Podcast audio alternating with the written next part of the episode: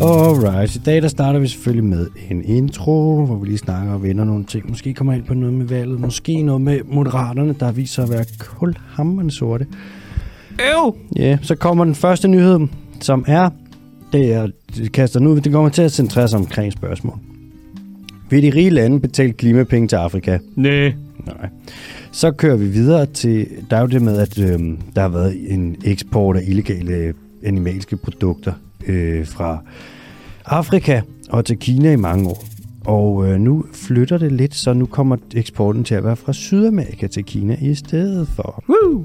Så bliver vi i over ved Sydamerika i Amazonas, hvor at det viser sig, at man fælder endnu mere regnskov, end man før troede for at lave bøffer. Så kommer der et lille segment om ålegræs. Mm. Jeg vil gerne slå et slag for ålegræsset. Eelgrass. Jeg vil ikke slå et slag på ålegræsset, for det er det, jeg ikke gør. Næh. Men jeg vil slå et slag for det. Kommer de hurtige nyheder. Så kommer der en quiz. Det gør der i hvert fald. Så kommer der et spørgsmål fra lytterne. Mhm. Kommer der en lytterløgn. Mhm. Og Late Night med Sif er ikke, for hun er på ferie. Is you ready? Mm. Let's go. Så, så tror Ja, ja, jeg, den er. vi er der. Så er vi der. Mm. Nå, MBK, hvordan går det? Det går sgu egentlig meget okay. Vi sidder jo her en, en late night aften. Bare to drenge i en kælder, To som han siger. hombres. Klokken er 20.07. Ja, Mm-hmm. det går sgu egentlig okay. Jeg, er- altså, som du lige nævnte i introen, ikke? Jeg er lidt ked af det over, at øh, min, mit, min hjemstavn, Græsted, har lagt navn til, at øh, Lars Løkke, han bare har forburet... Øh, Wow, et twist, det har taget med moderat. Det skal jeg da lige love for. Der er lige pludselig meget god grund til, at Lars har noget super travlt den dag, vi havde inviteret ham ind. Ja, det skal Det er ikke engang løgn. Kan du ikke... Øh... Nej, skal vi lige tage, hvordan, hvordan har du det først? Jamen, jeg har det godt. Øh, jeg har haft en øh, lang dag, mand. Mm. snikkeri og så ude, og så var jeg lige i radioen og snakke med Ida Augen. Kom der med, jeg har jo rated. Altså Altså, partihopperen nummer et. ja, jeg har, jo- jeg har, Hun jo- shopper jo lidt rundt, lidt ligesom øh, Nasser Carter ved en ny valgperiode. det er jo vildt nok. Ja. Man har jo kun en holdning, indtil man ikke gider have den mere. Men nu står hun et sted. Nu står hun sammen med Klimadan, Ja. og er klimaansvarlig, Og der er håb. og der er klimapolitik, Og der er håb. og der er håb, Ja, og der, er- der er hockey... Ja, det er der ikke længere. Det er Det, nu der- er det sagde du hockeystaven ikke. knækket. højestaven er knækket. Men der er masser af ambitioner, og ja. det er det vigtigste. Altså ambitionen, det er vi redde klimakrisen med. Hvad sagde Ida? Hvad kunne hun? Hvad gav hun? Hvad ville hun? Øh, jamen, jeg vil jo. Jeg har jo, jeg har jo rated alle de danske partiers øh, grønne indsats. Ja. Og øh, jeg har ikke givet Socialdemokratiet en særlig god stemme. Øv. Bedre end Blå Blok, umiddelbart, men ikke særlig god. Og øh, Jeg skal edderrømme også gøre sig umage for at gøre det dårligere end blå, blå bok. Apropos. Ja, det skal man. Man skal virkelig faktisk, man skal nærmest, det man skal gøre, det er faktisk overhovedet ikke noget overhovedet. Det Og så gør kan minus. Man, ja. Skal være, være, lave aktiv klimaskade. Mm. Mm. Nævnte du, at øh, hun er partifælde med en mand, der rigtig gerne vil ind i Mercosur-aftalen? Øh, Jeppe Kofod? Ja? Ja. Okay. Hvad siger hun til det? Ikke noget. Nå, okay. Ja. Nå, det havde hun ikke lidt modsvar til. Ah, lige der, der tror jeg signalet, hun var på på telefonen. Jeg var inde i studiet. Der Ah, ah, tror jeg, Hun, ellers var hun var på vej igennem en bro der. Ja, Ah, hun lang bro. Okay. Jeg blev ved med at sige det. Hvad Ja. ja. tænker du om Mercosur og Jeppe Kofod? Ja. Ja. Hvad tænker du om det? Tænker du tit på Jeppe? Ja. Jeppe, Jeppe, Jeppe, Jeppe, Oh, Jeppe, Jeppe, shit. Jeppe. Øh, så det var fint. Mm. Øh, og jeg har det godt. Jeg synes, det er sjovt. Det er langt. Jeg glæder mig også lidt til det her valg. Når den her kommer ud, så er det valget dagen før valget. Jo. Ja. Så øh, jeg glæder mig også lidt til det overstået. Ja, det gør jeg også lidt. Jeg synes virkelig, vi har haft tryk på. Altså, det, jeg håber virkelig, at øh, I ikke har følt stressen og jaget, fordi at, øh, øh, der har sgu været fart på i den lille dyriske bæks hernede. Ja, det har der altså. Øh, Er du gal, mand? Arrangementer og det ene og det andet. Men det har været fedt, og det er jo sjovt. Mm. Men øh, Og øh, super fedt, når I kommer op og siger hej og alt muligt. Som altså, det altid, skal I ja. bare blive ved med. sender jeg spørgsmål og skriver op til 10, og fucking tak. Ja. Hvad det hedder, vi har en, vi- du har taget en dagens leder med, kan jeg næsten høre. Lars Lykke, mand. Lars Lykke, det... Der var lige et øjeblik, hvor at... Ja, alle, jeg var jo tosset med ham i en lille kort periode. Han var tilbage, han var lækker, det var som om han havde været på ferie. Alle rynkerne havde løftet sig fra hans pande. He, ma- he, he don't make the banging noise anymore with this, this thing. Da, vi lavede, da Landbrugsparken kom ud i 2016, mm. Mm, træt mand. der var, hvad- var det jo ham, der sad i... Øh, altså, han var statsminister. Mm. Esben Lunde Larsens øh, landbrugspark. Katastrofe. Noget af det værste, der er sket for det danske miljø de sidste årtier. Det synes jeg måske er lige hårdt nok. det danske fiskeri, Ah, men seriøst. det danske fiskeri og Lars, øh, Lars Lykkes, hvad så end det har været med de der kvotekonger. Altså nu er torske, torsken er næsten væk fra danske farvande. Sygehusvæsenet, han fik hævket i begge knæ. Alle de der ting, han gjorde. Det er som om, man har lidt glemt det og tænkt sådan, ah, men nu er, han blevet, øh, nu er det midterparti, og nu vil de også være grønne. Mm. Og ikke et fucking skid. De, Nej. vil. de vil ikke engang have en CO2-afgift på landbruget. Hvor det er sådan, det vil Venstre have. Altså, de kører nu. Hans, nu er der Nej, kan nej, Venstre er gået med til det. Men Lars Lykke er ikke engang gået med til det. Bare lige for at sige, han er gået med til det, bare det ikke er på de biologiske processer. Det er sådan, og, og hvad betyder det? Jamen, det betyder, at det basically, så skal du bare køre elbil, når du kører ud til stallen. Ja, ja, det er og præcis. så, hvad din svin udleder, hvad køerne udleder, altså størstdelen Ja, ja, udleder, det er det er, det er ligegyldigt. Mm. lige meget. Og der er så mange for bæredygtig landbrug, altså den mest hissige og ekstreme af alle landbrugslobbyorganisationerne. Ja, man, man, kan, man kan forstå på det hele, hvis at rapporterne er sande. Der har været en roterende dør med den ene lobbyist efter den anden, der er gået ind og ud derfra med den ene planche, der var større end den anden. Ja, og lige pludselig, så tror jeg måske også, at der er faldet nogle penge til dem. Ah, nu skal jeg ikke sige for meget, men Nej. Nej. det er ikke et grønt parti. Nej. Og der er ikke særlig meget tvivl. Altså, Lars Lykke, han har vist sig at være ultraliberal. Mm. Og nu kommer han måske ind og bliver kongemager. Han kommer ikke til at pege på noget, der er rødt. Nej, overhovedet ikke. Han har snydt os alle sammen. Men jeg tror, det er jo, men det, er jo det, der hele tiden har været planen, ikke? Du ved, så ser han, øh, hvad der er, højrefløjen fedt rundt i det, og du ved, de vil ikke have øh, tidligere militærmand, fordi Mm. altså, hvilket lederpotentiale har han vist? Han har jo kørt venstre i sænk, og du mm. ved, Søren Pape, han har aldrig udrettet noget andet end at, det vil jeg ikke være den.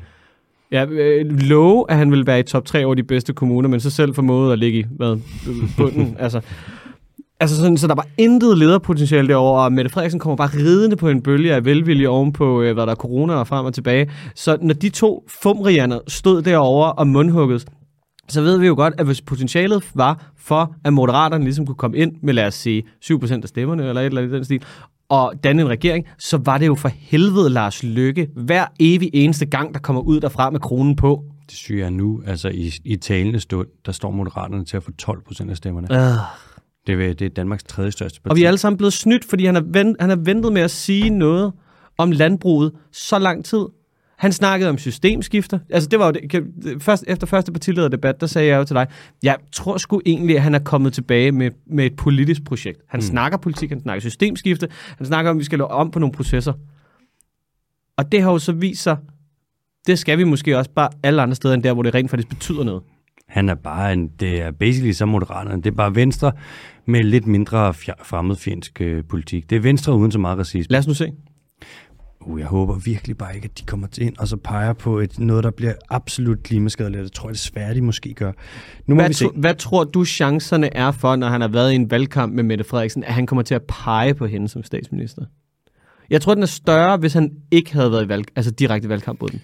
Jeg tror, han enten så kommer han til at pege på, og nu sidder jeg bare og gætter højt her, ikke? Mm. enten kommer han til at pege på en ren blå blok, og ellers så kommer det til at være sådan en underlig over midten regering, hvor det bliver noget totalt miskmask. Det bliver Socialdemokratiet, og så bliver det radikale venstre, hvis de er med, måske SF, og så et eller andet liberal alliance måske, og så laver han et eller andet Frankensteins monster, Ja. ja.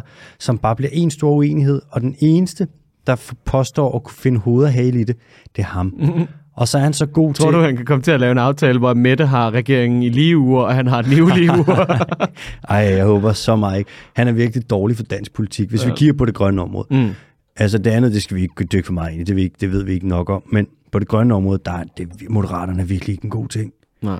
Det har det jo så vist sig ikke at være. Ja. Altså, Desværre, det var, det var den politiske status, vi fik vendt. Skal vi dykke Ja. ja. ind i nogle fucking nyheder? Vi skal lige huske at sige tak til Tier og alle jer, der bliver ved med at skrive jer op, hvis I ikke ved, hvad Tier er. Så det er en lille hjemmeside, hvor at man kan gå ind og finde den dyriske team. Så kan man vælge, hvor meget man vil dominere per episode. Det, det betaler, det kan vi lige, lige så godt fortælle jer.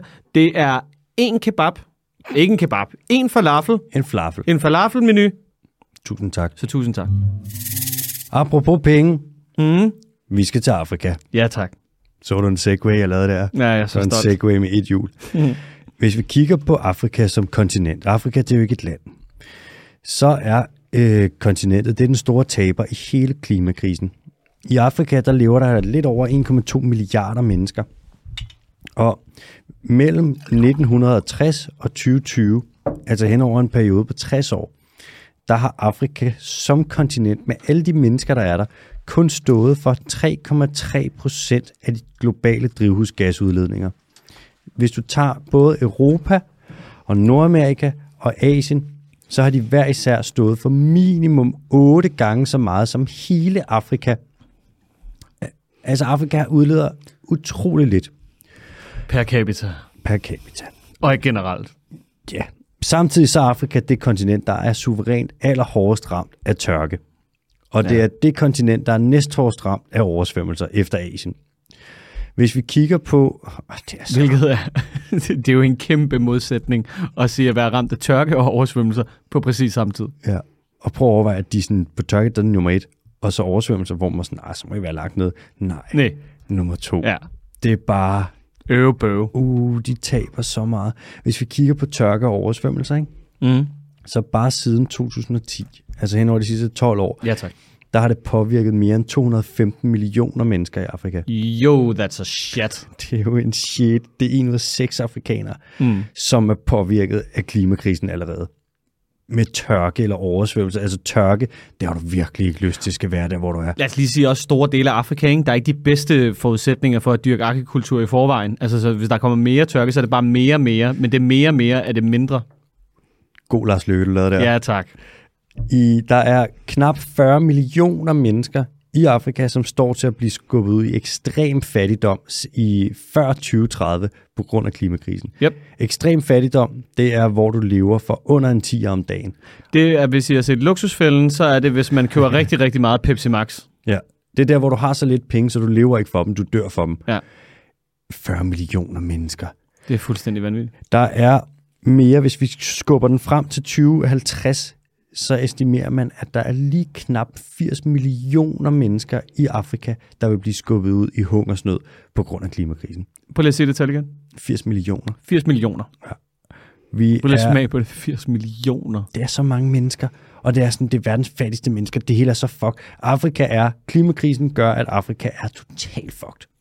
Altså komplet fucked. Ikke lidt fucked, men sådan, wow, I er fucked, fucked. Mm. Og samtidig, det er dem, der udleder allermindst, og det er dem, der bliver mest fucked Dem, af der det. får Mm. de største konsekvenser.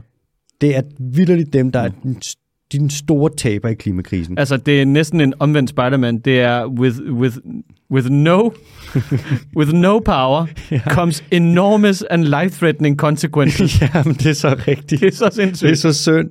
Det er så synd. Og det er bare sådan, de har vidderligt ikke gjort noget. Og så heroppe, der er vi bare sådan, åh, du skal ikke komme her og sige, at priserne på benzin skal stige og gå amok. Smør skal ikke koste flere penge. Jeg vil have svinekoteletter nu. det er så sygt. Hvad skal jeg? 8? Nu er det så sådan, at verdens, øh, de, de lande i verden, der er mere velhavende end Afrika, det vil sige nærmest... Altså, Alle andre. Ja, samtlige lande i Europa for eksempel. De har så sagt, at nu vil vi give nogle penge for at hjælpe med det her. Men der kommer ikke de penge, som der er blevet lovet. Nej, var der printerproblemer? Der er, ja, det må det være. Et eller andet byråkrati, og så er der også et problem, der hedder nærhed. Nå, Og der er et problem, der gode hedder, gamle. vi skal bruge pengene på noget meget vigtigere. Vi skal for eksempel lige give 19 milliarder kroner til at kompensere et underskudserhverv bygget på dyremishandling, der Mm, bliver Og nedlagt. flere veje, flere veje, flere veje, flere veje. Så bruger vi lige 52 milliarder på motorveje. er det ikke 62? det kan sgu godt være. Det er sindssygt nok, hvis man bare lige kan skide, skide, skide, skyde forbi med 10 milliarder, og der ikke er nogen, der lægger mærke til det. Ja, det er fint. Vi bruger 52, måske 62 milliarder på motorveje. Ja. Der er 40 millioner mennesker, der kommer ud i ekstrem fattigdom. Mm. Og når du anlægger motorveje, så udleder man ikke det meget CO2. Ja. Ja. Det gør kun, det er så pinligt, hvad vi har i gang med. Vi står vidderligt bare og pisser Afrika op og ned ad ryggen, ja. Mm. og vi gider ikke give dem nogen penge. Altså, asfalt er jo nok ikke den... Det er ikke så klimavenligt, kan man sige. Du bruger olie, når du laver det. Synes du? Man varmer det meget op, Noget cheer. Nu skal jeg virkelig sådan, det er bare, det er ikke en god idé. Nej. Hvis du Nej. gerne vil gøre at klimaet det godt, også det med, hvad plejer der at køre på en vej? Mm, rigtig mange biler. det er sådan, uh, transportsektoren udleder bare for meget. Nej. Vi skal have mere motorvej. Det er også så grineren, at man bare vælger at sige, vi skal have mere motorvej, fordi det er bedre for at binde landsdelene sammen. Altså, du kan ikke bevæge dig hurtigere på en motorvej, end du allerede gør. Du kommer ikke hurtigere fra A til B. Fordi som vi kan se, altså, du har jo set eksemplet med LA en million gange før. Hvis du skal have altså, flere biler ind i den samme by, så er det fucking ligegyldigt, hvor mange baner du laver. De kommer til at sidde i kø lige meget. hvad. Det er så skørt. Og så er der mere incitament, fordi man tror, at man kommer hurtigere til byen De siger jo for at med købe en bil. den der, øh, hvad fanden er det, den hedder, Kattegat-forbindelsen, Mm, Kattegat. så vil du bygge, hvor du lige vil flække Samsø med en motorvej. Mm. så kan du komme en halv time hurtigere fra, jeg tror det er fra København til Aarhus ja. eller Ja. et eller andet. Og, det er sådan, og så siger de, derfor så er det godt for klimaet, fordi man kører kortere tid i bil. Ja. Men sådan, Hvis du Hvad giver med noget- incitament til, at man skal køre mere i bil, hvad med at bruge 62 milliarder kroner på nogle ordentlige tog? ja. Altså, du ved, vi har snakket om det en million gange før. Det kan ikke være rigtigt. Det skal koste 600 kroner, hvis jeg lige skal have en smuttur til, hvad det hedder, Aarhus. Og for det andet, altså, the good old adage, et velfærdssamfund er ikke, hvor at de fattige har råd til at køre bil. Det er, hvor de velhavende vælger at tage offentlig transport. Præcis, mand. Det er så rigtigt. Hvad koster det, hvis vi skulle tage til Aarhus nu? Hvad koster det? Skal vi, skal vi, skal vi gogle det? Google Cool. det. Jeg går lige ind på rejseplanen, og så siger jeg det højt lige om lidt. Nå, Jeg, jeg kører videre du med den fortsætter her, så. lige. Fortsætter med ranten. Jeg fortsætter min rant. Nu kommer Afrika så og er så uforskammet, og de vil faktisk gerne have de her penge, som at vi har lovet dem. Og øhm, det kan man jo ikke sige så meget andet til, end at øh, det er meget... Good fucking luck. Ja, det er rimelig nemt at ignorere. En anden ting, der er, det er, de penge, vi så giver, og der bliver givet milliarder derned, men der bliver slet ikke givet, hvad der er lovet. En del af de penge, der bliver givet, de bliver givet som lån. Mm. Seriøst, hvem fuck låner penge til et land, hvor store dele af befolkningen lever i hungersnød? Det må da være noget af det mest moralsk forkastelige i hele verden. Prøv at høre, hvis du havde en ven, der var sådan, kan jeg ikke please låne en 50'er? til noget havregryn. Jeg har ikke spist i tre dage. Og man er sådan, jo, du kan låne den her 50'er. Mm. Jeg skal have låning på at få pengene tilbage. Jeg skal mm. godt glemme det, så kan du ikke låne den. Og det kan godt være, at jeg har to hotdogs, men du får ikke den ene.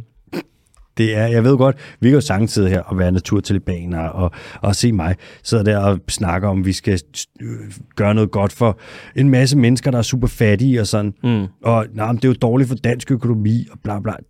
Det kan sgu godt være, men er du gal? Der er altså også lidt vigtigere ting. Ja. Som sagt, vi har vist, at vi kan godt mønstre penge, hvis vi kan bruge så mange penge, som vi gør. Vi kan jo så vores militærbudget, ah, det gør vi lige større. Budget på det ene, corona, hvor mange 100 milliarder vi ikke lige pisse ud. Vi kan jo godt, det er jo bare det, om man vil. Hvor det er sådan, vil vi ofre en lille smule af vores velfærd for at give dem mere velfærd? Mm-mm. Det tror jeg kraftedeme ikke. Men det er folk, der vidt ligger og dør af sult, mand. Ja. Nå, Skal vi, øh, skal vi til det? Nu går, nu går den, øh, hvad der, den intimistiske quiz i gang, der lige er opstået ude af det blå. Øh, hvis vi øh, tager afsted, lad os sige kl. 19, tager afsted fra Københavns Hovedbanegård og gerne vil til Aarhus H, og tager afsted 1906, hvornår ankommer vi? hvis vi tager afsted 1906, ja. Ja. og vi skal til Aarhus, mm. vi ankommer klokken 0047. Øh, 22.56. Vi snakker en rejsetid på 3 timer og 50 minutter. Og der hurtigt. København til Aarhus, hvad koster billetten? Cirkus. Mm, den koster 540 kroner. Øh, 406 i, øh, hvad det hedder, på stående tidspunkt. 406 kroner. Ja, det er 100 kroner i timen for at sidde i et, øh, hvad der er, tog, der bumler dig ud af, hvor der er absolut ingen service. Øh, hvad der hedder, skiden internet. Det tager dobbelt så lang tid, som det gør at køre. Altså, der er intet incitament for at bruge offentlig transport. Ja. Whack. Det er one way. Det er en vej. Det er 400 kroner for at tage til Aarhus. Så er der, øh, net, øh, så er der flexbusforbindelser og alt muligt andet. Lad os bare lige blive enige om, vi kan godt få nogle mere effektive tog end det her. Så bare en forbindelse, der bare lige forbinder Jylland. Et eller andet magnettog, så stopper den en gang i Odense, og så stopper den en gang i, øh, hvad det hedder, en gang i Aarhus. På favor. Altså, det er jo så latterligt. Vi hopper videre. Ja, for helvede. Vi hopper videre. Vi skal Er ikke vi sidde blevet her for og være- Ja, vi er blevet, nu bliver vi bitre. Øh. Vi hopper videre til en god ny... Nej, det gør vi ikke. Åh, oh, det er også længe siden, at vi har hørt det ord. Og det bliver en god, nej. Jeg kan godt. Næste gang, næste program, skal jeg nok have nogle Ja, gode tak. nyheder med. Og jeg har faktisk også en øh, gæst, som jeg tænker skal komme ind om ikke så forfærdeligt længe, hvor vi kun skal snakke om gode nyheder. Og jeg vil ikke afsløre for meget, men jeg kan afsløre, at det er en fucking sej gæst, og det bliver nogle fucking seje nyheder, og det bliver så nørdet, at det er til at øh, brække sig over. Hmm. Klasse. vi skal til Sydamerika. Ej, vi skal først, først lige til Afrika. Igen? Ja. Okay. I Afrika, der har der jo været det med, at der har været kæmpestor eksport af øh, nogle produkter fra dyr til primært øh, Asien, øh, og det er noget, der ikke har været så godt for de dyr, som der har været eksporteret produkter fra. Det er ja. Ja. for eksempel øh, elfenben fra elefanter, næsehornshorn fra næsehorn og øh, skæld fra pangoliner, altså skælddyr. Næsehornshorn for næsehorn. Næsehornshorn fra næsehorn. Det klinger bare ikke så godt. Nej. Det er meget nasalt. Mm. Mm.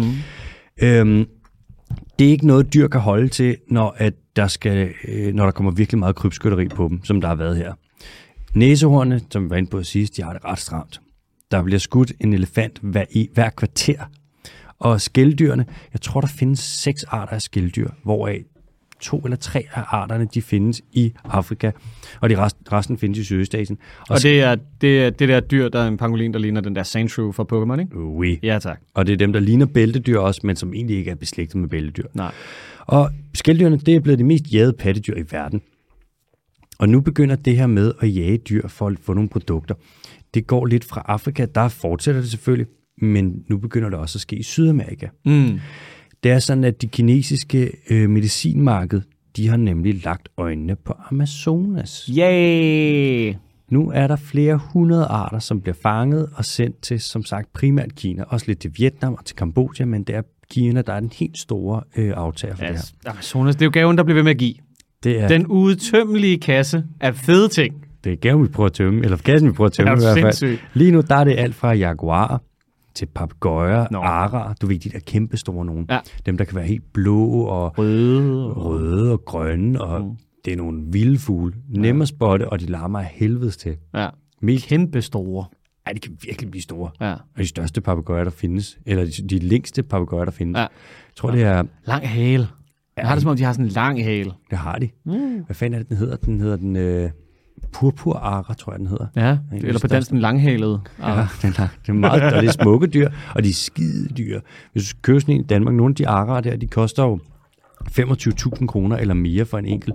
Det er nogle af de eneste fugle, du vil have i fangenskab i Danmark, hvor at der er faktisk folk, der kan finde på at komme ind og stjæle dem, alene fordi at de kan indbringe så meget på øh, kæledyrsmarkedet. Det er også øh, skildpadder, der bliver høstet meget i Amazonas. Det er pilegiftfrøer, og det er tropiske fisk, og de bliver jo så det er til traditionel medicin. Som For en gang skyld. Som selvfølgelig virker. Ja. Selvfølgelig virker. Mm. Det er underligt, at der er så stor... Virker sådan cirka lige så godt, som pyrolyse gør lige for tiden, og CCS og... Ja, ikke. Ja, lige præcis. Så er det til kæledyrsindustrien, og så er det til modeindustrien. Og altså, det er fedt. Det, det er Det er fedt. fedt, Dan, han, bare sådan, han har bare klimaalmanakken. Det er bare ting, han finder på. Så har vi pyrolyse. Hvad er det? Det er industriel milebrænding, primært af lort. Er det godt? Jamen, det kan du blive. Det kan det jo godt blive. Det kan det da blive. Ja. Og køb noget pangolinskæl herovre, så du også kan få stiv tissemand. Men- Mit navn er Dan. Tak for i dag. Hej, hej. Men du skal huske, det er jo grøn pyrolyse. Hvornår kommer Dan herind? Jeg tror faktisk måske, vi må se, hvis han... Jeg har lidt tænkt, hvis at Blå Blok vinder valget, Mm. så kommer han jo så, måske, så ved jeg ikke, om han er, så er han jo ikke siddende minister mere, så er han jo så, eller det kan han jo godt blive, men Jamen, det bliver han ikke. hvis han ikke har ansvaret for klimaområdet, hvis han kommer til at stå i en position, hvor han kan tale lidt frit om, hvad der egentlig sker, og så Kan videre. han blive vores klimakorrespondent? Tror du, han ville give det? Jamen, vi gider sgu ikke af ham, så det kommer ikke til at ske. Jo. Nej, vi skal have en, der... Dan. Men det kunne være sjovt, og Rasmus Prehn også, mm. at høre sådan, dude, hvad fuck skete der? Ja. Jeg tror virkelig, Rasmus Prehn er træt af hans arbejde nu. Mm. Mm, tror jeg også. Øhm, der vi hopper lige tilbage til den her. Nej, ja, nyhed, nyhed, nyhed. Amazonas skal ikke holde til det her. Nej. når Kina de udser sig øh, noget på den her måde, for eksempel når det er den kinesiske traditionelle øh, medicinindustri, øh, det er en mastodont, der vil noget. Der er så fucking mange penge bagved. Det kan flække økosystemer, det kan pløje frem. Det er noget af det sidste, et dyr skal ønske sig, det er, at de siger, kan du kurere hovedpine, siger du? Åh, åh, det er vanvittigt, hvad de kan udrydde. Og det er vanvittigt, hvor mange penge der er, og det er vanvittigt, hvad de kan mobilisere. Og problemet er, at mange af de her dyr, De har jo nok bare sådan en drejebog for at udrydde arter. det er jo deres almanak, mand. Ja, ja. Skriv et eller andet ind i den, mm. og hvis så det kommer ud, og det er sådan noget flyveærnet, så er det sådan, jeg tror, du mener, det uddøde flyveærnet. og prøv at lægge mærke til mange af de steder, hvor de også henter de her produkter hjem fra, for eksempel mange af de afrikanske lande, folk er sygt fattige, og hvis de kommer og siger, vi har et job, mand, spørg pløk. Det er det samme nu, hvor du ser det i Amazonas.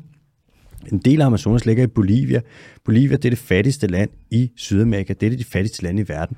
Hvis de kommer der og sådan, der er gode penge i det her, mand. I skal bare ud, så skal du skyde nogle jaguarer og nogle tapirer, og så skal du lige skaffe mig lidt noget fra et... Øh, hvad fanden er det, de hedder, de der... Øh, Mm, somebody stop me! Åh, Så var hey. ude og plukke. et navlesvin for, Ja, for helvede. helvede. Så skaf mig alt det der lort, og sådan, så øh, kan du sige, så lige pludselig, så har du altså bare nogle folk, som mm, det er et arbejde, det er penge, Ja, ja. og så er det det, de går efter. Og få mobi- mobiliseret en arbejdskraft, der ikke lige er registreret i nogen form for fagforening, sådan så man kan bede dem om at stoppe. Præcis. Det er ikke særlig godt. Du kan, Amazonas er under så meget pres nu, også det kommer også i den næste nyhed. En anden ting, der spiller sammen med det her på en lidt uheldig måde, det er, at der er rigtig, rigtig, rigtig meget korruption i Sydamerika. Og kontrol med eksport af produkter, som man ikke nødvendigvis må eksportere, den kontrol, den kan der godt slikkes på i nogle tilfælde. Og Nå. jeg mener ikke slikkes, jeg mener slikkes. Ja. Som i, du slipper bare den kontrol, og så er der bare fri fucking leg. Hej, hej. Jamen, Sydamerika er rimelig stort. Der er rimelig meget kyst. Der er en rimelig stor kyst, der ligger cirka lige op mod Kina. Og hvis der er en båd, der vil sejle afsted derfra, så kan det godt være, at der er nogen, der glemmer at tjekke, om der lige ligger lidt gris på den båd der. Ja, det er pisse ærgerligt. Der er en god ting ved det her. Ja. Der er nogle banker, som har sagt, de vil ikke være med til at finansiere noget, der kan skubbe til det her på en uheldig måde. Og der er nogle transportfirmaer, der har sagt, vi vil ikke transportere nogen af de her produkter, der kan have noget med det her at gøre. Ja. Ja. Og det er jo nice, at de byder ind, kan man sige. Hmm. Er der nogen af dem, der kommer til det alligevel, tror du? Det kan sgu godt være. Men som udgangspunkt, der tror jeg, man skal også huske, Det er jo lidt ligesom, når der er en eller anden bank, der bliver taget i sådan, nej, jeg vidste ikke, det var, jeg vidste ikke, det var Taliban-penge. øv, øv, øv, øv, øv. der er jo også, det er jo det, vi nogle gange, jeg, jeg, det er jo det, der er sjovt, ikke? Prøv at, vi sidder næsten og tænker sådan, de kommer til at snyde, ikke? Mm. Mm. Og sådan, selvfølgelig er der nogen, der kommer til det. Ja. Men der er også nogle gange, er der faktisk nogen, der er gode nok. De er bare sådan, det er mere undtagelsen, end det er reglen. Jamen, det er lidt det, er lidt det ikke? Altså, vi skal lidt stole på, at nu, øh, altså, der trak I stregen i sandet. Mm. Mm. Lige der. Ja. Ja. Stop og ikke Det længere. var ikke, øh, det var ikke ved, hvad det hedder, ja, narkohandel på tværs af, hvad der er hele verden, og du ved, funding af terrorister, og sexhandel, og du ved, udrydde arter og det ene og det andet. Men lige her, ja. vestkysten, der, ja. Ja. altså, du ved, ved Brasilien, det, det kan vi simpelthen ikke stå inden for. Der stopper ikke. Ja.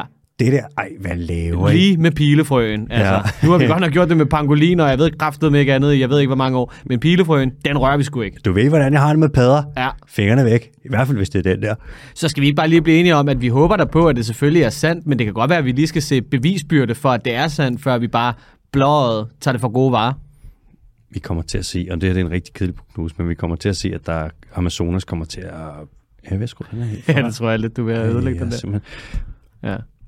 Vi tager den næste nyhed nu, fordi Okay. okay. der er lidt mere, der sker med Amazonas. Cool. Der er det der med kvægfarmerne, ikke? Ja. Det er meget. der skete en ting i øh, 2018 i Amazonas, den del, der ligger i Brasilien. Brasilien har størstedelen af Amazonas. Og i 2018, der havde Bolsonaro, han havde sat så meget, han havde slækket så meget på kontrollen og så meget på den information, som kvægfarmerne, de skal indberette, eller skulle indberette, Mm. at fra og med 2018, der kan man ikke rigtig finde ud af mere, hvor mange kvæg, der er opdrættet eller avlet i områder, hvor man ikke må lave dem, fordi det er beskyttet natur, mm. og hvor mange der ikke er. Nå. Der er simpelthen apparatet, infrastrukturen er blevet så løs og skiden, og man har ødelagt det så meget, ødelagt kontrollen så meget med vilje, at man ikke rigtig ved det længere. Men Har man anslået noget? nu er der nogen, der har lavet et studie Ja. fra 13 til 18, Mm. og de kan se, at Ja, de ved det heller ikke. fra, nej, men seriøst, fra 13 til 18, ikke? Ja. der blev der solgt 1,1 millioner kvæg fra områder, hvor du ikke må lave kvæg. Nå. Det er alligevel, det er alligevel meget mere end ingen. Det er rimelig mange. Ja. Det er lidt over øh, 200.000 kvæg om året fra steder, hvor de ikke må være. Ja. Og det må... Satans. Men det var, det var fordi, vi hoppede ud af noget indhegning eller sådan noget, ikke? Ja, ja, ja, selvfølgelig. Der var ikke nogen, der havde gjort det med vilje. Nej, det er også fordi, der er irriterende, der stod noget regnskov lige der, hvor de skulle være. Det er også irriterende, du ved, når, når landbruget har så stor indflydelse på, øh, på økosystemet, som det allerede har, mm. og man så også lige kommer til at, øh, at lave noget mere, Øps. der hvor der ikke er nogen, der kigger, ja. Det er hvor man heller ikke må. 70 procent af den regnskov, der bliver fældet i Amazonas nu, den fælder man for at lave øh, græsningsmarker til kvæg. Fuck, hvor nice. 70 procent. Vi er ved at veksle verdens største regnskov til bøffer. Ja. Det er... Men har du nogensinde fået en t bone steak? Nej, men jeg siger det ikke som en dårlig ting. nej, nej. Hvis vi kigger på, øh, hvad der ellers... Du fucking stopper det, mand. Ja, hvis vi har øh, kvægfarming, Ja. at man laver bøffer, mm. soja, som man primært bruger til foder, mm. også til dyr, så har du altså næsten al den afskovning, der sker i Amazonas i Brasilien nu, det er på grund af de to ting. Ja. Så har du minedrift efter guld og efter olie og Mm. mm. efter mineraler. Og de ting til sammen, det vælter den skov fuldstændig, og det Ja. ja. gør lynhurtigt. Og nu siger, nu siger jeg ikke, at, øh, hvad det hedder, at det har noget at gøre med, hvor man læner sig hen politisk.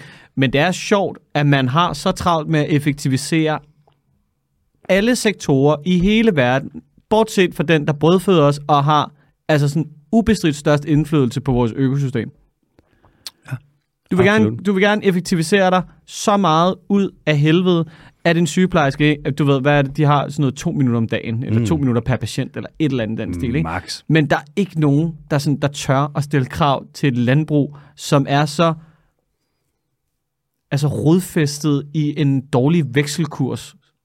Og Altså- altså. klimaskade og miljøskade og skade på biodiversitet. Prøv at overveje på global plan, ikke? Mm. 50 procent af jorden er det areal, som vi kan bo på. Ja. Det vil sige ikke sådan noget Sahara og ikke Antarktis, men det er de steder, vi kan bo. Mm. 50 procent af det, det bruger vi nu til landbrug. ja. Ud af de 50 procent, der bruger vi 77 procent til at lave foder til dyr Mm. og til at lave græsningsarealer. Hvis vi tog og stoppede med at lave så forbandet mange dyr, som vi i øvrigt laver på måder, som ikke er særlig gode for dyrene heller. Hvis vi stoppede med det, så ville vi få et areal til rådighed, der er på størrelse med Nordamerika og Brasilien til sammen. Nå. Vi snakker over 10 millioner kvadratkilometer, hvor vi kunne, naturen kunne vokse tilbage. Vi kunne offsætte klimakrisen og alle konsekvenserne ved klimakrisen med 30 år. Vi kunne, stoppe, vi kunne bremse biodiversitetskrisen.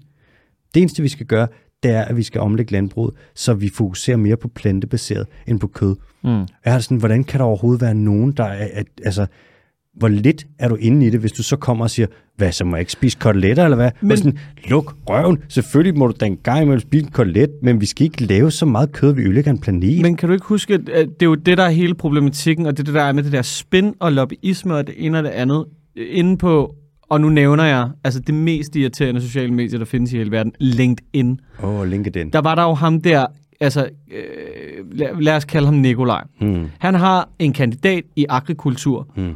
og jeg ved kraftedeme ikke, hvad der ud af. Og så havde han fundet en eller anden rapport, noget med, at hvad der hedder, en kornmark, den aftager så og så mange, hvad der hedder, ton CO2 per, øh, hvad der er, tynder land, og bla bla bla derudad. Ja, ja. Men du ved, men problemet er, at det ikke bliver set i en større kontekst. Han får bare få stukket et stykke papir i hånden, og så deler han det, og fordi han har en eller anden titel, så er der lige pludselig folk, der tror på det, uden en hensynstagen for, at du fucking hugger det ned. Ja. Altså for enden af året, så har Løfte du lortet. ikke lagret noget, så har du midlertidigt bare fixeret det i noget korn, som i øvrigt er døde fucking marker, og super dårlige for, øh, hvad det hedder, grundvandet, mm. som igen, altså kraften vælter ud med rapporter omkring, hvor lortet vores grundvand er efterhånden, ikke? Der er pesticider altså... i størstedelen af drikkeandsprøjningerne. Der er så meget brug for, at der er, i- altså, at der er nogen, der sådan med definitiv autoritet kan sige, nu holder I kæft. Problemet er, at landbrugslobbyen er så absurd magtfuld. Og, ved, jeg- og jeg kan godt forstå det, fordi det er, det er så simple mekanismer, du skal spille på. Det eneste, du spiller på, det er din egen overlevelse. Mm. Hvad vil du gøre, hvis der ikke er med? Og, det- og, og, og når, du er, når du er fucking travl, og vi ikke har råd til at snakke, øh, eller man ikke har tid til at snakke lige så meget om det, som dig og mig har, mm. eller læse rapporter, eller høre podcast, eller hvad fanden det nu er, ikke? Mm. så kan jeg fandme godt forstå, at det argument, det lyder som det altså himmelråbende bedste for bare at fortsætte landbruget as per usual. Landbruget kan kun blive bedre. Landbruget i Danmark kan ikke gøre det dårligere, end de gør det nu. Mm. Det er jo også det, der er så øh, vanvittigt ved hele. Altså grunden til, at landbruget også er sådan... Jeg tror også, grunden til, at vi lægger så meget energi i det, og går så meget imod landbrugslobbyen, det er det med, de bruger præcis de samme øh, metoder som den fossile brændstofsektor. De greenwasher på samme måde. Det er en drejebog, de følger. Mm. Og hvis vi kigger på Danmark, det er et landbrugsland. Og i Danmark, der er det den suverænt største trussel, der overhovedet er mod klima og mod miljø og mod biodiversitet og you fucking name it. Det er vidderligt den største bums i Danmark, det er landbruget, og det har sygt meget potentiale. Mm. Landbruget kan, vi har virkelig gode jorder, vi bruger dem på den værst tænkelige måde. Hvor der er meget gylde, vi spreder ud over Danmark hver eneste år. Øh, 400 liter. 40 millioner ton. Ja, det er vanvittigt. 40 millioner ton. Det er så meget lort, det giver slet ikke nogen mening. Vi Lort og pis. Altså, vi spreder så meget lort ud over mm. vores land, at landet vidderligt er ved at dø. Mm. vi dræber vores indre farvand, de er bare blevet kvalt. Mm. Der er så meget lort, der er kommet ud fra svin, og det syge er jo, at svinene, en stor del af det, de skider ud, det er jo gammel regnskov. Mm. Vi importerer 1,8 millioner tons soja fra de steder i Sydamerika, hvor man fælder allermest regnskov illegalt. Vi finder det billigste regnskovssoja, man kan få, Mm. giver det til svin, som så skider vores land i stykker, og så får vi et produkt, som vi ofte ikke kan sælge. Ja. Ja. Og det indbringer på et godt år svinekød, så indbringer det 3% af, hvad vi tjener på vores eksport for hele landet, og det optager halvdelen af Danmarks areal. Det er, en, det er bare på ingen måde okay. Hvad med at give Det er en Danmark... absurditet ud over det Hvad med sædvanlige. at give Danmark tilbage til danskerne, mand? I stedet for at hate, Åh, oh, som... oh, nu, holder du, nu passer du lige på med den der Dansk Folkepartis øh, hvad hedder, retorik, du kører derovre. Men det er jo ikke engang løgn. Ja, Ja, det er Prøv, det, det er rigtigt. halvdelen af vores land, Ja. ja. som bliver brugt til bare et erhverv, der er bygget på dyremishandling og underskudsforretning og Ja. ja. klimaskade og miljøbelastning. Jeg, jeg er ikke til det. Nej. Det kan godt være, jeg er lidt grøn der, men jeg er ikke til det. Jeg tror også, jeg, tror, altså, også mm, jeg, jeg lover, at jeg nok skal komme tilbage til ikke at snakke så meget om det og hisse mig så meget op over det. Men det hænger mig bare så langt ud af halsen nu, hvor at, øh, altså, folketingsvalget har stået på i så lang tid. Og bare se, altså normalt så, så bliver vi jo ikke præsenteret for i det offentlige rum så tydeligt, altså dag efter dag, time efter time, at folk altså sådan lodret lyver Altså magthaverne, de folkevalgte, det er repræsentativt demokrati. Det kan simpelthen ikke være rigtigt, at der skal kunne stå en landbrugslobby i den anden ende og trække dem i en retning, som går imod, hvad der vil være sundt for danskernes ved og vel. Altså det er pinligt i en grad, som jeg... sl- Altså jeg kan... s- Jeg, jeg bliver, det, jeg bliver så frustreret over det. Skal vi til noget godt? Ja, Ja. yeah. Er det en kvind? Nej. vi har... Kristen kommer lige om lidt. Ja. Ja. Vi skal lige snakke om ålegræs. Ja, tak. Ålegræs i Danmark, der, har, vi- der plejede vi at have ålegræs på et område, der var cirka 6.700 kvadratkilometer ude i vores indre farvand. Mit sædvanlige spørgsmål, hvor mange fodboldbaner er det?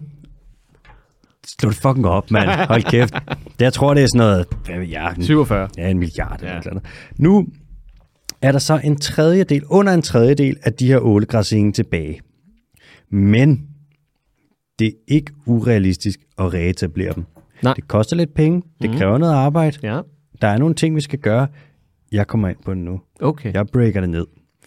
Jeg- Jeg sad lige forleden, jeg sad lige søndags og nørdede lidt. Mm. Gudsdag. Guds dag, du, det var sabbaten. Den, den, den første nørd. Så det, det, jeg gjorde, det var, at jeg sad der, jeg havde ret mange tømmermænd, Ja. Men hvis man sidder og laver noget arbejde med tømmermænd, så arbejder man ikke rigtigt. Så jeg forbrød mig ikke Gud, mod Guds lov. Nej, det er rigtigt. jeg arbejdede ikke på sabbaten. Mm. Mm. Jeg lavede søvdearbejde. Mm. Jeg sad og læste noget rapport, og så sad Ligesom jeg... Land på Fødevare laver søvdevidenskab. Nej, ikke noget. Det, der, det siger du simpelthen ikke. Tag dit ord i dig igen. Undskyld. Åh, oh, det siger du ikke. Jeg sad der... Du og så sidder sad, med Gud og arbejder.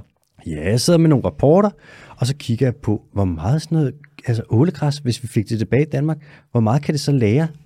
Nærmest, nærmest ikke noget, tror jeg, du kom frem til. ikke? Det, er jo- det kan lære så meget, det er fuldstændig vanvittigt. Altså ålegræs, mm. det er Danmarks svar på mangrove. Ja. Mangrove kan lære vanvittigt meget kulstof, altså CO2, ikke? Mm. Men, eller det er så siddet i CO2, men Ja. ja. hvis man tager det og bla bla bla, fuck det, det lærer en masse drivhusgas.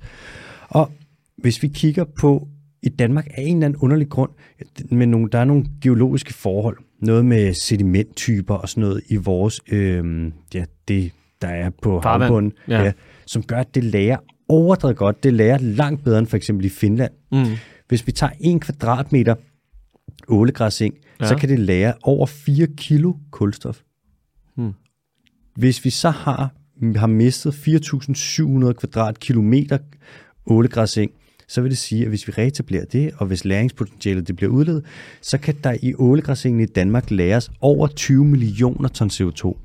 Nu sidder du måske og tænker, hvor meget er det egentlig? Hvor meget udleder Danmark egentlig? Er 20 millioner ton CO2, er det meget? Ja, det er pænt meget. Yeah, that's a very big shit. Danmark udleder alt efter, hvordan du gør det op. Et sted mellem 40 og 60 millioner ton CO2 om året. Det vil sige, at hvis vi etabler, reetablerer ålegræsengene, så er det lige omtrent, hvis man lige tager det med lidt god vilje, næsten halvdelen af Danmarks udledninger, som vi vil kunne absorbere i ålegræsset. Men, det- men hvad med hockeystaven? Kommer den i spil her på noget tidspunkt? Fuck, det er jo det, jeg glemt. Øj, shit, så Ja. bare glemt det. det der også er med ålegræs, ikke? Mm. det er relativt hurtigt at etablere, så det er sådan også det der, når vi snakker om, at det er sådan at genplante skov og sådan noget. Ikke? Der er jo en masse CO2, der lige skal, skal læres i de her træer, men det er jo, altså, det er jo i den grad langsigtet. Men så vidt jeg kan forstå, så ålegræs, det kan man også etablere relativt hurtigt. Det vil tage at reetablere, hvis at der var øh, mindre kvælstof i vandet, kommer ind på om lidt, så vil det tage cirka omkring 30 år, estimerer man, at få øh, det her gjort. Mm. Men igen, det er fandme en klimaløsning, der vil noget. Og en ting med det, det er også, at ålegræs det er et sindssygt godt habitat for fiskeyngel, særligt torsk. Mm. Torsken er næsten uddød i Danmark. Pis. Man har set, at man har lavet et forsøg. Will, will you take two flies with one swat? Du vil tage mange flies med det swat, du. Can you mention more flies? Ålegræs gør sådan en ting. Hvis du ikke putter så meget kvælstof ud i vandet, så det dør, Mm. men du har en mindre mængde kvælstof, så kan ålegræsset optage det, så det faktisk renser vandet. Mm. Jo. Så det kan rense vandet, give os et bedre havmiljø. Det er godt for fiskeyngel, ikke kun torsk, også andre fisk, så fiskeriet kunne få en hjælpende hånd. Og desuden så optager det sindssygt meget CO2, og det er ret nice at få optaget, når man har en klimakrise. No. Nå, men hvad skal vi så gøre, Alexander Holm? Hvordan skal vi så få ålgræsingene tilbage? Jamen, for det første, så skal vi stoppe med at bundtråle vores farvand fuldstændig i smadret. Og det skal hollænderne også. Det må de meget gerne stoppe med. Og så skal vi, og den her den er kontroversiel, så skal vi forbyde landbruget at udlede så meget kvælstof og sprede 40 millioner ton gylde ud over vores land hver eneste år. For alt den næring, der kommer ud fra det, det laver noget, der hedder eutrofiering. Det er næringsovermætning. Øh, overmætning. og det dræber alt liv, der ikke trives i ildsvind og slam og mørke i vores indre farvande. Så det er bare det. Vi skal sige til fiskerne, I bliver nødt til at stoppe med bundtrål her og bundtrål til hisi. Giv os 10 år. Ja, og vi bliver nødt til at, ja, ja, selvfølgelig har nogle frivillige aftaler, og så bliver vi nødt til at sige til landbruget, fucking stop det der, mand. Mm. Det men, er- øh, men I skal ikke kontrollere det. Vi skal nok stoppe, men I skal ikke komme og kigge. Ja, I skal ikke. Nå. I skal ikke. Det er bare en lille hurtig, det er en Ja. Mm. klimaløsning, der er, og den er, altså, Ja, fordi fiskeriet vi, vi er vinder. også nået til et punkt nu, hvor de, sådan, de bliver nødt til at være lidt akutte. Ja, det gør de. Ja. Men det er også sådan, det her det er en af dem, hvor det, ko- så meget vil det ikke koste. Det er jo det der med, at vi vinder jo også penge, hvis mm. at landbruget de ligesom bliver begrænset i deres animalske produktion, for det er ikke særlig godt for økonomien. Så det er en win-win-win-win-win-win-win. Det- Der er bare nogen, der bliver rigtig sure, og det er landbrugslobbyen. Altså ligesom alle de der kaskadeeffekter, vi har snakket om en, en, en masse gange, ikke? hvor mm. det er sådan, du ved, ondt afføder mere ondt Oui. og, og sviger smerte, Ja. så er det her jo et meget godt eksempel på, at man kan også bare gøre, man kan jo prøve at gøre én ting, mm. en, en lille ting, der ikke er særlig dyr, hvor man ikke skal poste milliarder, milliarder, milliarder, milliarder, milliarder Ja. ja. ned i noget, som sandsynligvis ikke bliver til noget, mm. som kommer til at gøre en enorm forskel. Jeg synes, det lyder Fucking fornuftigt. ansætte nogle biologer og nogle, øh, hvad der hedder, dykker, og, altså, altså, det er jo ikke fordi, de bare hænger på træerne, de jobs, altså. Ansæt nogle øh, Gør det til- naturtalibaner. Så, altså, gør det til mode og prøv at redde naturen, bare en lille smule. Fashion statement. Vi hopper til de hurtige. Ja, tak. De bliver hurtige i dag. Okay. For det første, man har fundet ud af, at, at øh, din kat, hvis du har en kat, så kan den genkende din stemme. Nå, Det er noget, man ikke har vidst rigtigt før. Man har altid haft sådan en katten ved den. så det de er vælger mig. bare aktivt at ignorere en, de fucking røvhuller. Ja, hvis det ikke er din kat. man har fundet ud af, at hvis du har en kat, og du, du er den kattens ejer, og du snakker til katten, mm. og hvis du for Mhm. Altså- eksempel dit toneleje og alle mulige ting. Og siger, mis, mis, mis, mis, mis, mis, mis, For mis. eksempel, ja, eller sådan noget. Hvad så? Skal du masser af lille Bernard? Skal du have en lille smule af miskas? Mm. Så kan den genkende det. kommer den, laver den, er der noget respons, den måde den vender ørerne på, nogle ting den gør, hvor man kan se sådan, okay, den responderer anderledes, end hvis det er en fremmed, der siger det. Mm. Og hvis du så sidder og snakker, Men hvis den, vi, Mhm. den ignorerer stadig en. ja, ja, 100%. Ja, Ja. ja. Hvis vi sidder og snakker, hvis vi forestiller os, at du havde en kat, og vi så sidder og snakker her, og den ligger på gulvet, mm. så responderer den ikke på samme måde, hvis du snakker til mig, som hvis du snakker til den. Så der er et eller andet, en eller anden form for, Der er en connection. der er en lille bitte connection. Ja. Men ikke hunde-connection. Ikke sådan en labrador-connection. Jeg sad netop og tænkte, Ja. og, men det er nok så meget connection, man får med en kat. ja, jeg skulle lige til at sige det. Mm. Nå, så skal vi til næste hurtigt her. Man har fundet, Jeg tror, du skulle til at sige næste ud. så skal, vi til, næver. Så skal, så skal vi til næver. Næver for æver. Næver. Man har fundet verdens største benfisk. Okay. Altså, der er jo bruskfisk, det er rocker og guitarfisk og hajer og så videre. Okay, sig ja. flere underlige ord. Rocker og guitar og Og violinfisk. Og så er der Så er der benfisk. savfisk. det er der faktisk også noget, der hedder. Så er der hammerhajer. Ja, så er der Kan du også- godt vide derude af? ja, det er bare en værktøjskasse med kød. Man har fundet verdens største benfisk. Det er en klumpfisk, som vejede mere end 3 ton, som øh, skyllede op på kysten i, øh, på Azorerne. Og klumpfisken hedder Mola Mola på latin, og det er bare et vildt sødt navn. Og Er det ikke dem der, der ligner øh, en fladfisk, sådan lidt, der svømmer på højkant, med sådan Jo. nogle lange arme op på hver side? præcis, de ser ja. vildt søde ud, og de er bare spøjse. Så svømmer man rundt og spiser vandmænd, og så kan man, f- nogle- man kan dykke med dem, så kan man få dem med æg. Det kan de jo bare godt lide. Nå, jeg synes bare, det er bare, det er bare yndlings. Det er ligesom den der, det der dumme flyvehørn, der var tosset med skumfiduser. Du tænker på marmosetterne? Mama Musa. Nej, det var ikke skulle høre mig, jeg ikke skulle høre for det, mand. Nå, næste hurtigt. Alle amerikanske bisoner har en lille smule kvæg-DNA i sig. Okay. Da man kom til USA i sin tid, europæerne, så skød vi alle bisonerne, Ja. ja. og så havde vi nogle kvæg, som vi begyndte at avle, og så ville man lave nogle kvæg, der gav mere kød, og så prøvede man at blande dem med lidt bison. Mm-hmm. Og nu har der så været noget med nogle, nogen, der har knippet og noget. Så nu er der i alle bisonbestanden lidt kvæg-DNA. Og det er ikke noget, der gør noget, og det er ikke super meget, men det er der altså. Det var det. Og med de ord, der giver jeg ordene videre, ordet videre til dig. Så skal vi Kæmpe kraftede med i gang. Så skal vi til ugens quiz. Er du klar, Alexander? Ej, Øh, jeg håber, lad mig lige tage noget vand. Jeg skal gætte den hurtigt i dag. Ja. Uh, som altid, vi starter med en lille fun fact. Det er bare noget, jeg har fundet på, eller noget, som jeg synes er spøjst eller interessant. Uh, hvad der hedder efterfulgt af fem almindelige facts. Hvis du gætter den på første, så er der som sædvanligt altid dobbelt point. Ellers uh, starter vi bare på 6 point, og så trækker vi et fra for hver ledetråd, du får. Cool. Fun fact. Mit armspænd er 10 gange så stort som min kropsbredde, der kan nå op til 40 cm. Kropsbredden kan nå 40 cm. Ja. Ja, Jeg har lyst til at sige orangutang, men det tror jeg ikke, det er. it's an orangutans. Er det det? Nej, ikke. Nej, for helvede. Så armspændet er 10 gange større Ja. ja. end kropsspændet. Det er 40 cm, og så vil krop- mm. armspændet være 4 meter Mhm. fra arm til arm. Ja. Det er heller ikke en 8-armet blæksprut. That is not an eight-armed black sprout. Stillehavsblæksprut, det er det heller ikke. Nej, Mm, det er ikke et pattedyr. okay. Det er det sgu ikke. Nej, Siger du? Ja. Ja. Og det er øh, ikke en fisk. nej, Det er ikke et krybdyr, det er ikke en padde. Det er ikke okay. Hvad Nå. fanden er det? må være et, øh, en slags bløddyr. Det siger du. Mm, ja. Du har simpelthen udelukket alle de andre. Lad os prøve. Okay. Næste. Ja. Øhm, jeg har otte lange ben og to endnu længere arme. Otte lange ben og to endnu længere arme. Mm. Sig mig engang, har du taget... Ej, det er ikke et insekt jo, med, hvis det er 4 meter. Hvad fanden kan det være? Den er, den er tricky. Altså, jeg håber, jeg håber ikke, jeg har fucket det her op, fordi at, øh, jeg elsker, når du får den der hvad der hedder, reaktion, så jeg håber ikke, det er mig, der har fucket et eller andet op. Ah, det er spændende. Lad mig lige få en mere. okay, hen over et års tid, der kan jeg lægge op til 1,5 millioner æg. Altså sådan en drægtighedssæson. Ikke en drægtighedssæson, hvad det hedder. Paringssæson. Lad os kalde det det. Øh, En sæson. Ja, en sæson. A season. En reproduktiv mm. sæson. 1,5 millioner. Reproduktionscyklus. Mm, men du siger arme. Arms. Arms. Ah, det er ikke, men det er over en sæson. Der er ikke nogen blæksprutter, der lægger så mange æg. You have very long arms. Very long arms. Oh, hvad fuck kan det være? Der er heller ikke nogen gobler, der lægger så mange æg. Det tror jeg sgu ikke. Nej. Hvad lægger så mange æg? Nej. Det, der er jo nogle fisk, der lægger ekstremt mange æg. Mm. Men de har selvfølgelig ikke ar- et armspænd på 4 meter. Og oh, den er svær næste. Okay. Jeg lever på 300 meters dybde ud fra Japans kyster. Nå, nu ved jeg, hvad det er. You knows? Ja, yeah. det, He er- knows. det er den der krabbe. Det er kongekrabben. Øh, Det, det hedder en japansk kæmpe krabbe. Japansk kæmpe krabbe. Kæmpe krabbe. Den krabbe, den krabbe kæmpe. Ah, for helvede, den var god. Den ser fuldstændig latterlig ud, det her dyr. Den skulle smage ja. rigtig godt. Ja, og det er også derfor, man bare har fisket den i smadre, som sædvanligt. Nå, det var godt. Man har fundet noget, der var lækkert, og så har man bare ødelagt det. Ej, det, var, det er første krabstyr, vi har haft. Mm. Der, Den var er, god. der er et lille underligt fakt med, at øh, når den... s- Altså, hvad er det, det? Jeg, jeg, jeg ved ikke, hvad selve processen hedder, men når den skifter sit exoskelet. Den molter, den Ja. skifter... Ja. Det er ikke at skifte Jeg ved ikke, hvordan ham, man oversætter skifter det. skal. nemlig. Ja, skifter skal. Molter. Mm. Molter. Så er den, øh, så er den immobil i op til halvanden time.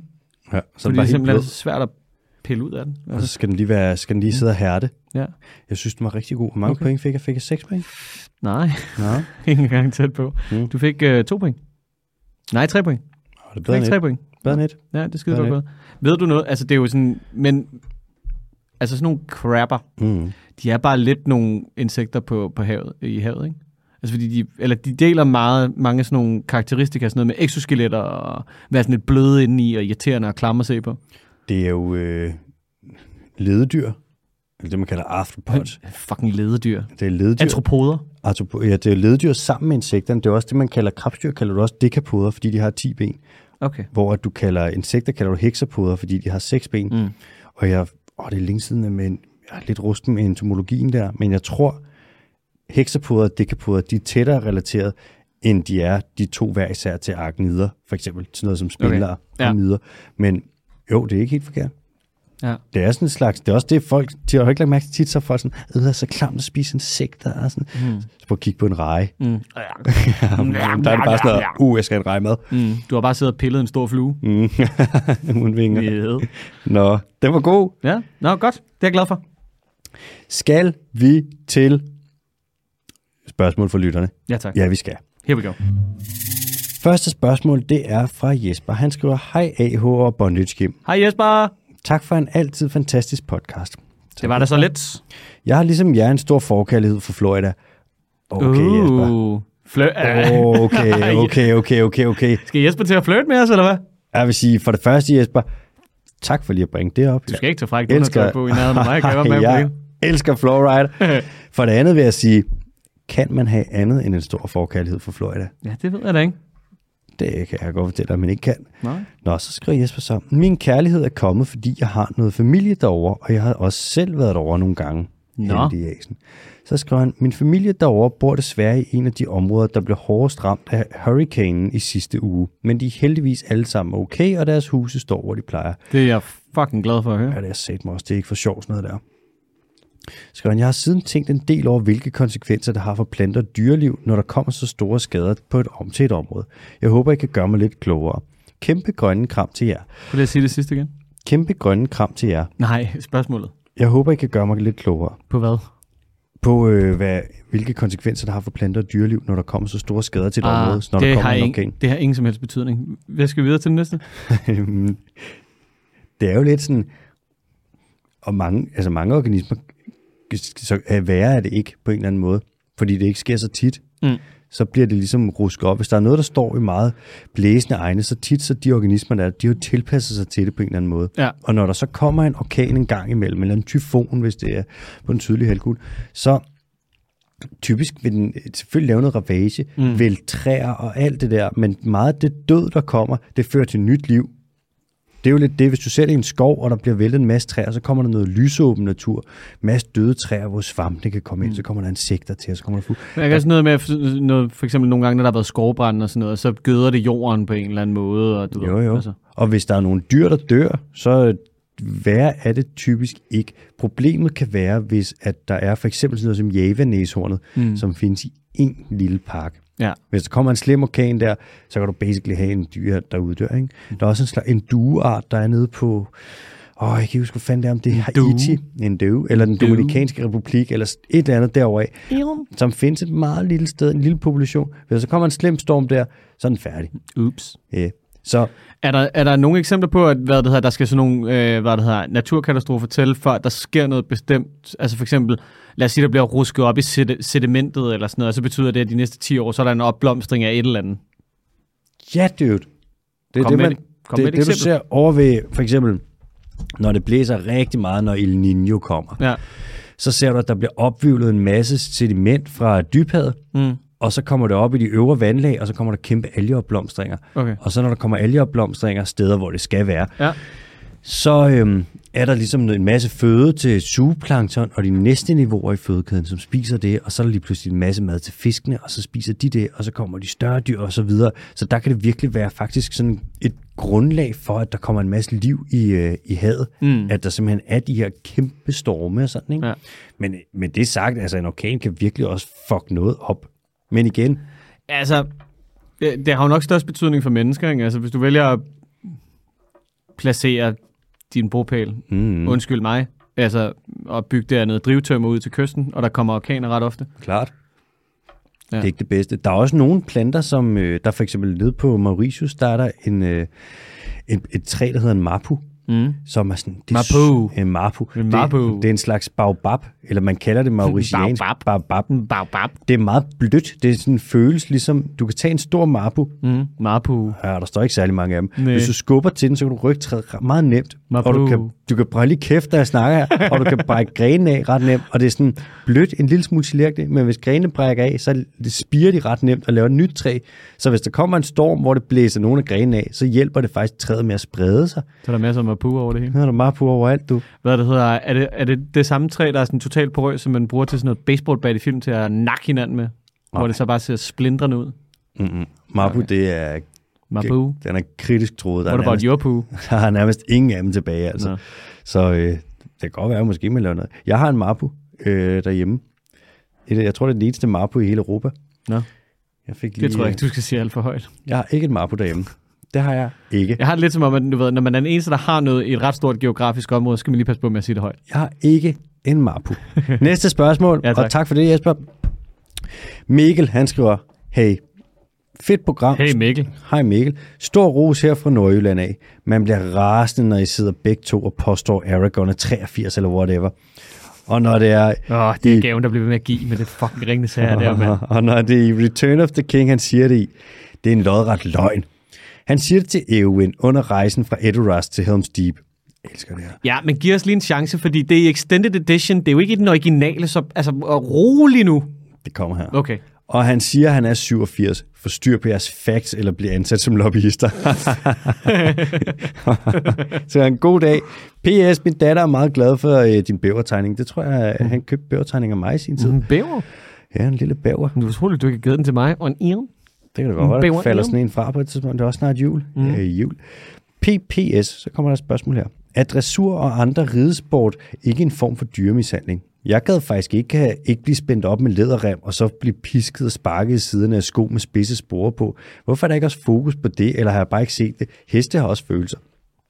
Er der ikke, er der, der, er der ikke, er der ikke et par forskellige argumenter for det? Altså sådan, jo jo, selvfølgelig kan du mishandle et, et dyr, men hvis det er, hvad kalder man sige, øh, hvad der har avlet til det, så kan det også gøre, at hvad de får en enorm glæde ud af det. Altså slædehunden for eksempel jo, ikke? Mm-hmm. Det er jo ar- altså, arbejdskraft fra en hund, ikke? Men de synes jo bare, det er fucking fedt. Altså, De elsker det. ja. Øhm, jeg må indrømme, jeg ved faktisk, jeg synes altså selvfølgelig at sparke med sporer og piske og sådan noget, ja. det er sgu ikke rart. Nej, men jeg tør ikke sige noget, komme ind og sige noget om heste.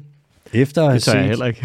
Ah, ah, altså, jeg, det rører jeg ikke. Sorry, Mikkel. Altså, umiddelbart, jeg ved, Miki Gerris, Ja. han siger, det er dyremishandling, og han har skulle styr på sit shit, men altså, Det det var var... også fra et, altså det var ud fra et, hvad kan man sige, teologisk, etisk perspektiv, er det ikke? bioetisk. Bioetisk. Jeg ved ikke, det kommer også an på, hvis det er sådan noget ridning, altså du har en hest, som har et godt liv, og du giver den en sadel på en gang mm. imellem, og en lille, alle de der ting, rider en tur. Jeg tror ikke, det gør nogen skade på hesten som Nej. Nej. sådan, men hvis det er et eller andet sådan noget strafferidning, eller sådan noget dressur, hvor du presser dem virkelig hårdt, det ved jeg ikke, om de synes, det er fedt, men jeg skal igen ikke gøre ja, Jeg, mig klog på jeg, det. jeg er også klar over, at det, nu skal det ikke handle om what about det, som og sådan noget, ikke? men mm. det er sådan, what about all the other fucking animals, altså du ved. Mm, ja. Hvis der, hvis, altså, hvis jeg kunne sløjfe, øh, hvad der hedder, hvad kan man sige, kvælandbruget i Danmark, mm. altså i bytte for, at der er en hest i Jøring, der bliver klasket i numsen to til tre gange om dagen, så tror jeg da nok, jeg havde gjort det. Hvad hvis det var et andet sted i vendsyssel? Mm. Det ved jeg ikke. Jeg tror, der er nogen af dem, der nyder det, og så tror jeg også, der er nogen af dem, der bliver drevet nogle steder hen, hvor det måske ikke er særlig fedt. Er det ikke, at det må være, altså det er fucking, det ved jeg jo ikke. Det er der, vi lander. Ja. Det er der, vi lander. Tror du, vi klarede den? Det var ligesom den der gang, vi lavede os ud med øh, hvad der hedder, øh, katteejer og sådan noget, ikke? hvor vi lige kom til at sige noget i en hurtig vending. Oh. Jo. Nå, så har vi et spørgsmål fra Lene. Det er Grus mor. Okay. Hej Lene. Hej Lene. Lene skriver, hej den dyriske team. Tak for en spændende og lærerig podcast. Det var da så tak. lidt. Da Gro er draget ud i verden for at lære mere om permakultur, har hun lige overtaget. så håber jeg, at I i mellemtiden kunne lære mig noget om permakultur, andre dyrkningsformer samt fordele og ulemper herved. KH Gros mor. Øh. Gro er jo, så vidt jeg ved, i Slovenien nu Ja. op og dyrke, hvad var det, nogle græskar og noget. Mhm. Mm. Det lød fucking fedt, og det lyder det som om, at det er en øh, familie, der er... Send lige nogle billeder. Ja, ja, Gro, send nogle billeder. Ja. Øhm, jeg ved ikke særlig meget om permakultur. Permakultur, det handler jo bare om, at man i et lille bitte miljø prøver at have en eller anden form for cyklisk anvendelse af forskellige ting. Ja, så, Så det, øh, hvis du bruger noget, hvis, altså hvis du skræller en agurk, mm. eller nej, ikke en agurk, der hvem skræller en agurk? Hvis du skræller en, øh, hvis du skræller en gulerod, ja. Ja. så bruger du resterne i en eller anden form for mød. Ja, mødingen er jo et sindssygt godt eksempel på det. Mødingen er jo sådan alles form for permakultur på en eller anden måde. Sådan en lille kom- en kompostbunke. En lille der. kompostbunke. jeg tror, permakultur er også noget med, at man bruger ikke nogen... Det bygger på sådan et bæredygtighedsprincip. Ja. Det er jo noget med, at det blev udviklet af to tyskere eller to australske gutter i 80'erne, tror jeg. Ja. Og så var der sådan noget med, at det skal være, det skal ikke lægge for meget pres på naturen, og det skal ikke være noget med for meget forarbejdning af jorden, mm. så det er mere sådan noget luning, ikke noget brug af gift, alle de her ting. Lidt sådan en form for nærmest sådan noget, ja. en blanding mellem noget øh, biodynamisk og noget regenerativt, tror jeg. Og ja, så er det sådan noget med, at hvis du, hvis du bruger, øh, hvad der hedder, vand og alt sådan noget, så skal du ikke bruge sæbe, der kan have indvirkning på, øh, hvad der hedder, naturen omkring dig, fordi mm. så det vand, du ligesom vasker dig i, det kan du så gå ud og vande alle dine blomster med og alle ja. de her ting. Ikke? Det er lige før, jeg faktisk skal sige, jeg tror, Gro er draget ud for at lære noget mere om permakultur. Det kan være, hun skal skrive ind om permakultur. Gro, vil du ikke skrive om permakultur, for vi er simpelthen ikke kloge nok på det. Nej. Og hvis vi snakker andre dyrkningsformer, konventionel landbrug, økologi, biodynamik, så helt kort, altså konventionelt, det er godt i forhold til arealudnyttelse. Det er ikke særlig godt i forhold til noget som helst andet. Nej. Økologisk, det er bedre. Det er, der er mere arbejde ude i marken. Ikke? Der, mm. Du kan ikke, du sprøjter ikke alting væk, så du skal fjerne det på en anden måde. Bedre for øh, miljøet. Det er også bedre for altså, randzonerne omkring landbruget, og det er selvfølgelig bedre for det ene og det andet. Og er jo biodynamisk, ja. Det er ikke noget. Det har faktisk ikke noget med det her at gøre. Jeg kom bare lige til at tænke på det. Mm. Mm. Det er bare det er sjovt, det der med, at hver gang man kører økologisk, så skal det være pakket ind i plastik, fordi det ikke skal ligge op af alt det andet, som er blevet sprøjtet i smadder. ja. Så du får din økologiske, du ved, gode råvarer, mm. som er pakket ind i plastik, fordi alle de andre ikke kan finde ud af at gøre det ordentligt. og så skal den ligge der i sådan en lille plastikbuket, ikke? Sådan et mm. stykke broccoli. Man kan også sige, hvis vi bare, altså, økologi fylder mere. Økologiske marker, der er en mindre udbytte end konventionelle marker. Ja, selvfølgelig. Men man kan sige, hvis vi stoppede med at bruge alle markerne, 77 procent af dem til at lave øh, foder til dyr, så skulle vi have færre marker, og så kunne vi bare have økologi. Der er nok areal. Biodynamik, det er som udgangspunkt fint. Det er jo bare økologi med en lille smule ekstra. Ikke? Ø- mm. Biodynamik bygger også på de biodynamiske principper, og de er formuleret af, øh, hvad fuck er det, han hedder? Ham, der også har lavet den der skole? Freud. Nej. Nietzsche. Nej, nej, den der skole, som man kan gå på. Marx. Dem der, hvor du Steiner. lærer... Steiner, ja, det er Rudolf Steiner. Mm. Det er ham, der også har formuleret principperne bag biodynamisk landbrug. Han var sådan en multikunstner, som bare var sådan noget, "Nå, men han ved lidt noget om alt. Meget af det der i biodynamikken, det, Renaissance, mand. det er jo det, meget af det er totalt hus på hus, mand. Mm. Det er sådan noget med, at når fuldmånen står i det her, så skal du plante gulerødder, og der er sådan nogle regler for, hvis du skal være biodynamisk øh, godkendt som biodynamisk landmand, så skal du have sådan noget med et, øh, en tønde, der står fyldt med øh, mosevand, og så skal du have et horn fra en tyr, som du fylder med en form for mudder, og så skal det ned i det, og så skal du sprede det ud over dine marker. Jeg synes, det lyder ret fornuftigt, det her. Jamen, det er sådan noget Jeg er meget, af det, meget, af det, der er du sådan, what? Ah, jeg ved ikke, hvordan. Det er almanakken. Jamen, der er meget, der er sådan noget større Rudolf Steiner, der er sådan, jeg er sikkert god til nogle ting, men Men du skal Folk- også bare holde kæft med nogle andre ting. ja, folk, der ved noget om alt og er kloge på alt, der er man sådan, jeg tror måske, du skal fokusere på lidt færre områder, og så koncentrere dig Også for din egen skyld. Der er ikke så meget tid. Ja, yeah, men stadig altså biodynamik. Det er tit så dem, der laver det, de er jo også, de har en masse, de vil gerne lave det rigtig bæredygtigt, mm. og de synes, at de vil gerne tage den et skridt videre end noget klassisk økologi, og ikke bare opfylde de krav. Og tit så, det gør jeg mere ges- gavn end skade, at der bliver- kommer meget af det der, ja, hvad siger man, mange af de der naturvenlige principper ind over. Mm. Nå, det håber jeg var svar, Lene Grusmor. Nu skal vi til, Øh, Vores ikke-svar. ja, det, det ved jeg ikke. Ja. Spørg din datter. Ja. Og øh, vi hopper videre til lytterløgn. Ja, tak. Jeg siger det hurtigt, fordi jeg gider dem ikke. Mm. Jeg gider dem ikke. Nå. Søren han skriver, Hej AHMBK. Hej Søren. Jeg lyver sjældent, men i dag er det mandag, så jeg våger pelsen og kommer med en påstand. Jeg gættede dagens dyr, Fossan, før AH, fordi jeg er en goddamn legende til at gætte dyr. Ja, der tror jeg lige, du kom til. Søren! Fucking legende! Ja, flot, mand. Legende, Søren! Åh, oh, jeg s- skulle skrive løgner og skriver legende. Så fint, Søren. Ja, og I skal endelig bare, jeg endelig bare lyve afsted. Jeg fucking elsker det. Var det det? Ja, så har vi Late Night med Sif, men hun er jo på ferie, så der Nej, er hun gider ikke. Ja, Hun er også nede og det ved jeg ikke, lærer om permakultur og landbrug, jeg ved ikke hvad. Nej, hun er i Lalandia i tre uger. Wow, det tog en drejning. Nej, hun er sgu da ej. Sindssygt at være i Lalandia i tre uger. Jeg tror, man bliver rigtig, rigtig træt af vand. Rigtig runkende fingre kommer bare gundet ud derfra og ligner sådan... Altså, jeg vil bare ligne en bleg rosin, Ja, du er lige en sådan rigtig tavlig eks, men... der lige var blevet tabt på gulvet Ja. ja. inde i en frisørsalon. Au! jeg har ikke mere MBK. Det har jeg heller ikke. Jo, øh, vi skal lige sige tak til alle jer, der bliver ved med at skrive op på tier. Ja, og så have et øh, rigtig godt øh, valg. Ned og stem, det er vigtigt. Husk, valget det er grønt. Og øh, håber, det kan bruges alt det, vi har lavet med øh, vores lille naturtalibanske valgdækning. Ja. Ja. Så ind og stem på Nye Borgerlige. Jeg er stadig med jer. Mm. Hej hej.